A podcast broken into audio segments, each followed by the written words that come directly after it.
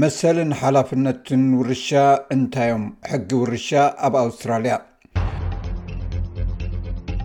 ኣውስትራልያውያን ዘይከም ካልኦት ሃገራት ንዝወርስዎ ንብረት ናይ ውርሻ ግብሪ ኣይከፍሉሉን እዮም።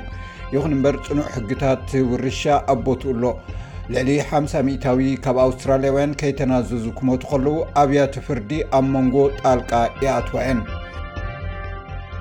ሓደ ሰብ ምስ ዝመውት ንኣዝማዱ ወይ ንፈተውቱ ዘመሓላልፎ ንብረት ክሓድግ ይኽእል እዩ እዚ ናይ ዝሞተ ሰብ ንብረት ተባሂሉ ዝፍለጥ ኮይኑ እቶም ዝቕበልዎ ድማ ተጠቀምቲ ይኾኑ መሊሳ ሬይኖልድስ ናይ ቪክቶርያ ኣገልግሎት ሕድሪ ዋና ኣመሓዳሪት እያ፣ ሰባት እንታይ ዓይነት ንብረት ከም ዝወርሱ ድማ ትገልጽ።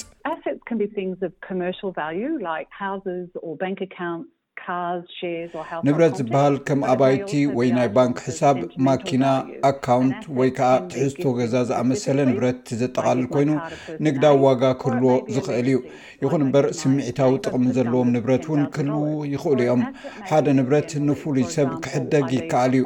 ማኪናይ ንእገለ እህቦ ኣለኹ፣ ወይ ድማ ኣነ እገለ ንዝተባህለ ብጻየይ ዓሰርተ ሽሕ ገዲፈሉ ኣለኹ ብምባል ውርሻ ክኸውን ይኽእል እዩ። ወይ እቲ ዘሎ ንብረት ብሓፈሽኡ ክተርፍ ይኽእል እዩ፣ ንኣብነት ንብምሉእ ንብረተይ ንደቀይ እገድፈሎም ኣለኹ ዝብል። ክህሉ ይኽእል እዩ። ሓደ ሰብ ምስ ሞተ ንብረቶም ብኸመይ ክከፋፈሉ ከም ዝደልዩ ዝገልጽ ናይ ውርሻ ሓደራ ምስ ዝሓድጉ ውርሻ ቀሊል እዩ ዝኸውን። ኣብቲ እዋን ኑዛዜ ነቲ ንብረት ተወካሊ ንክኸውን ሕጋዊ ዝኾነ ኣካል ተወካሊ ኮይኑ ዝዓዪ ኣሎ። ሓላፍነት ናይቲ ኣፈጻሚ ኣካል ድልየታት ናይቲ ዝሞተ ሰብ ምፍጻምን ኩሉ እቲ ግዴታታት ከም ዝተፈጸመ ምርግጋጽን እዩ። እቲ ፈጻሚ ተጠቃሚ ናይቲ ውርሻ እውን ክኸውን ይኽእል እዩ።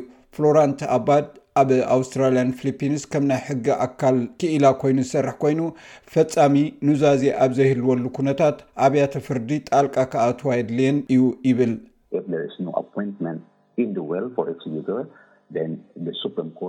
ነቲ ኑዛዜ ከፈፅም ዝኽእል ኣካል ኣብ ዘይብሉ እዋን እቲ ላዕለዋይ ቤት ፍርዲ ነቲ ኑዛዜ ከፈፅም ዝደሊ ኣመልካቲ ከም ኣፈፃሚ ገይሩ ይሸይም።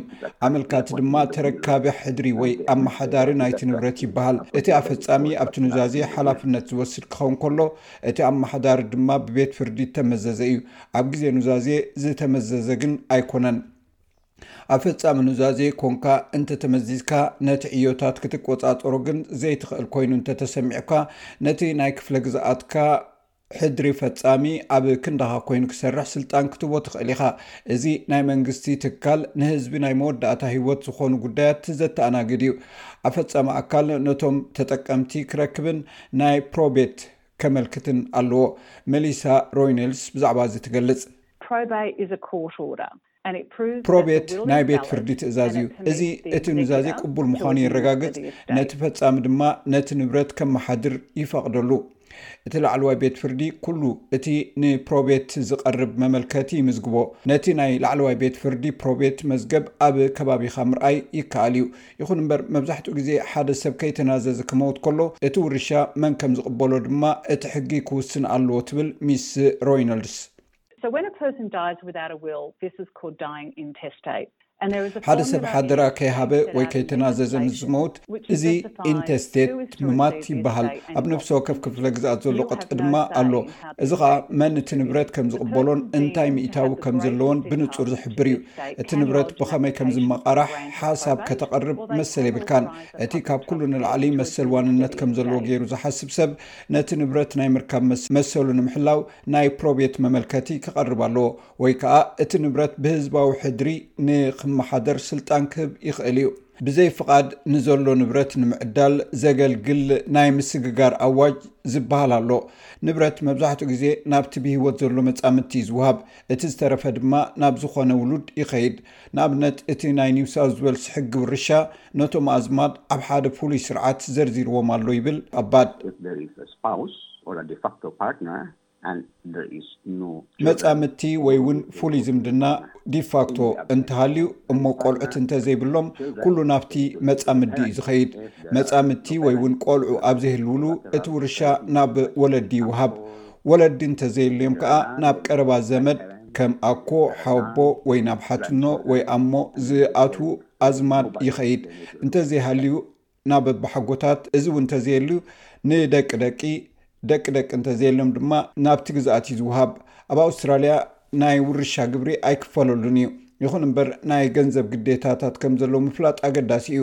ቤት ጽሕፈት ግብሪ ኣውስትራልያ ወይ Australian Taxation Office ነቶም ዝተወርሱ ንብረት ኣብ ዝሽየጠሉ እዋን ናይ ግብሪ ቀረጽ ደንብታት ኣለዎ። እተመስከረሉ ናይ ህዝቢ ኣካውንታንት፣ ኣክረም ኤል ፋክር፣ ብዛዕባ እዚ ይገልጽ። ናይ ዝሞተ ሰብ መንበሪ ገዛ እንተኾይኑ ግብሪ ክኸፍል ዝኽእል ሳዕቤናት የብሉን። እንተኾነ ክልተ ገዛውቲ እንተሃልዮም እሞ ሓደ እንተተኻርዩ እቲ መንበሪ ገዛ ካብ ቀረጽ ነጻ እዩ። እቲ ናይ ኢንቨስትመንት ገዛ ግን ካብቲ ካፒታል ገይን ታክስ ወይ ካብቲ ዝኽዕበት ሃብቲ ግብሪ ይኽፈለሉ እዩ። ኣብቲ ሃብቲ ዘኻዕብት ገዛ ዝኽፈል ግብሪ ወይ። ካፒታል ገይን ታክስ ድሕሪ ሽሕን ትሽዓተ ሚእትን ሰማንያን ሓሙሽተን ዝተዓደገ ናይ ኢንቨስትመንት ገዛ ክትሸየጥ እንከሎኻ ተግባራዊ ይኸውን። ሚስተር ኤል ፋክሪ እቲ ልሙድ ምኽሪ ኣብ መንበሪ ኣባይቲ ካብ ቀረጽ ነጻ ዝኾነ እዋን ስለዘሎ ፈለማ ኣብ ክንዲ ምሻጥ ናብቶም ተጠቀምቲ ምምሕልላፍ እዩ ዝሓሸ። You've got a two year window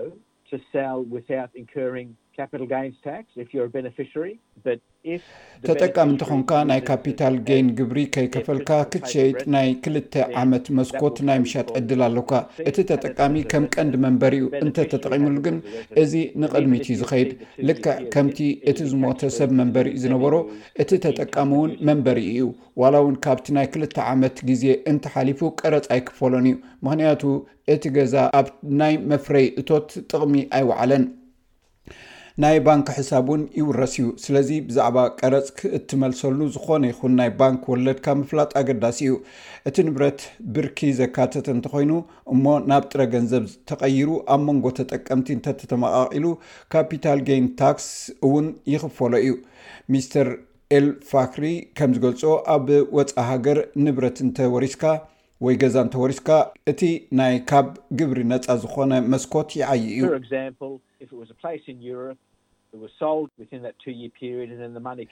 ንኣብነት ኣብ ኣውሮጳ ዝነበረ እንተኾይኑ እሞ ኣብ ውሽጢ ክልተ ዓመት እንተተሸይጡ ድሕሪኡ እቲ ገንዘብ ናብ ኣውስትራልያ ይመጽእ እቲ ገንዘብ ድማ ኣብ ናይ ኣውስትራልያ ሕጊ ይወድቕ እሞ ብናጻ ቀረጽ ይኣቱ ኣብቲ እቲ ንብረት ወይ ገዛ ዝሽየጦላ ሃገር ፍሉይ ሕግታት ግብሪ እንተሃልዩ ግን እቲ ዝግበር ዝውውር ገንዘብ ብስርዓተ ግብሪ ናይታ ሃገር እዩ ዝቕየድ። ፍሉይ ናይ ካፒታል ገይን ታክስ ሕግታት ዝውዕለሉ እቲ ተጠቃሚ ፍቓድ ነባርነት ዘይብሉ ምስ ዝኸውን ይምልከቶ እዩ። ስለዚ ሞያዊ ምኽሪ ምሕታት ዝበለጸ እዩ። ኮይኑ ግና ኑዛዜ ዘየልቦ እንተኾይኑ፣ ወይ ውን ውርሻ ከም ዝግበኣኩም ትኣምኑ እንትኾንኩም ኣብቲ ኑዛዜ ግን እንተዘይኣቲኹም ከ? ብሕጊ ምትሕልላፍ ውርሻ ወይ ሳክሰሽን ኣክት ነዚ ክትብድህ መሰል ኣለኳ። እዚ ኸኣ ፓብሊክ ፋሚሊ ፕሮቪዥን ክለይም ይበሃል። ፍሎረንት ኣባድ እቲ ላዕለዋይ ቤት ፍርዲ ነቲ ኑዛዜ ውን ክልውጦ ይኽእል ይብል። ብቑዕ ምኽንያት ክትህብ ኣለካ፣ ናይ ቀደም ሰበይቲ ስለዝኾንኪ ጥራይ ወይ ወዲ ወይ ጓል ስለዝኾንካ መሰል ክህልወካ ማለት ኣይኮነን። እቲ ዝሞተ ሰብ ስለዝሞተን ኣብ ትሕቲ እቲ ኑዛዜ እቲ ዘድሊ እኹል ምድላዋት ስለዘይተገብረሉን ገንዘባዊ ምትእስሳርን ከመይ ጌርካ ከም እተጠለምካን ከተረጋግጽ ኣሎካ ወይ መርትዖ ከተቕርብ ኣለካ። ስለዚ ተሪርን ቁልጡፍን ሕጊ ዝበሃል የለን። ላዕለዋይ ቤት ፍርዲ ግና ነቲ ዝበልካዮ ኩነታት ኣብ ግምት ኣእትዩ ይግምግሞ እዩ። ርስቲ ዝተሓላለኸ ክኸውን ይኽእል እዩ፣ ሓገዝ ግና ኩሉ ግዜ ኣሎ። ከም ናይ ኢንስቲትዩት ሕጊ ቪክቶርያ ወይ ሎው ኢንስቲትዩት ኦፍ ቪክቶርያ፣ ማሕበር ሕጊ ኒው ሳውዝ ዌልስ ወይ ሎው ሶሳይቲ ኦፍ ኒው ሳውዝ ዌልስ ዝኣመሰሉ ትካላት ኣብ ከባቢኻ ዘለዉ ሰብ ሞያ ቋንቋኻ ክዛረቡ ወይ ኣብ ናይ ዝሞቱ ሰባት ነገራት ዝሳተፉ ክሕግዙ ዝኽእሉ እዮም። መሊሳ ረይኖልድስ ከም ትብሎ ኣብ ነብሲ ወከፍ ምምሕዳርን ግዝኣታትን ቴሪቶሪታትን ናይ መንግስቲ ሕድሪ እውን ኣሎ።